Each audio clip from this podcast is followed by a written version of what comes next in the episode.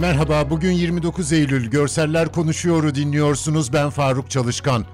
Kış yaklaşıyor. Yaylalarda beslenen hayvanlar ovaya indiriliyor. Van'ın Çatak ilçesindeyiz. Yayladaki sürüler havaların soğumaya başlamasıyla çobanlar tarafından yerleşim yerleri yakınlarındaki arazilere getiriliyor.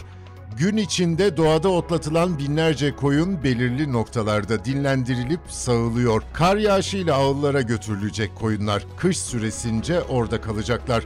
Havadan çekilmiş fotoğraf ve videolar var. Yayladan gelince yayıldıkları arazi kuru, toz, çorak bir yere dönüşmüş. Uzakta tek tük evler, binalar görünüyor. Koyunlar toplanmış bir vadide.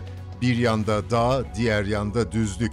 Zeminin kahverengi çorak haline bakınca şu sıralarda pek otlayacak bir şey bulamadıkları görülüyor. Ağıla girince yeme talim edecekler. Çoban köpekleri, bir çoban, kapısız duvarsız çatı ve direklerden oluşan genişçe bir yapının etrafına çökmüş çok büyük bir koyun sürüsü bu.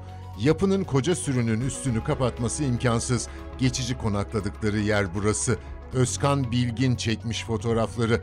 Çanakkale Savaşları'nın meydana geldiği tarihi Gelibolu Yarımadası, karadaki açık hava müzesi zenginliğinin yarın sıra devam eden projeyle su altında yer alan batıklarla dünyanın en önemli dalış merkezlerinden biri olacak.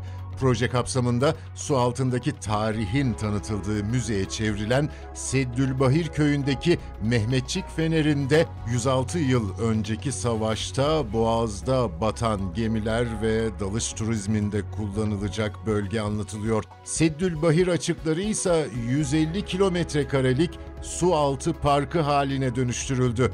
Gelibolu Tarihi Alan Başkanlığı işin sorumlusu.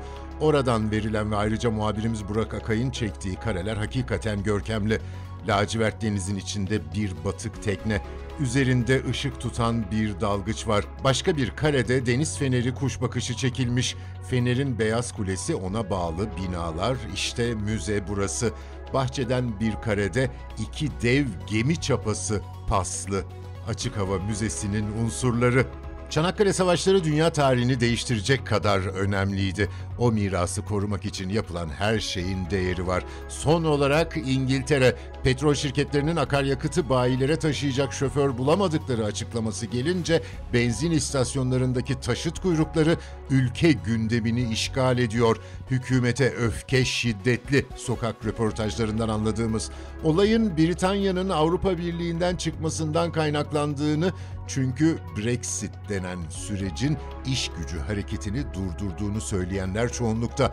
Ülkede 100 bin ağır vasıta sürücüsü açığı bulunduğu bildirilmişti. Görüntüler şehrin içinde benzin istasyonlarındaki kuyruk yüzünden trafiğin de aksadığını gösteriyor. İstasyona ulaşamayan bir kadın sürücü bidona doldurduğu benzini aracına taşıyor, sonra deposuna aktarıyor. Hükümetin halkı suçlamasını eleştiren kadın, tedarik zincirini sürdürmenin hükümetin görevi olduğunu söylüyor. Bir başka sürücü ise İngiltere'nin Nijerya'ya döndüğünden şikayet ediyor.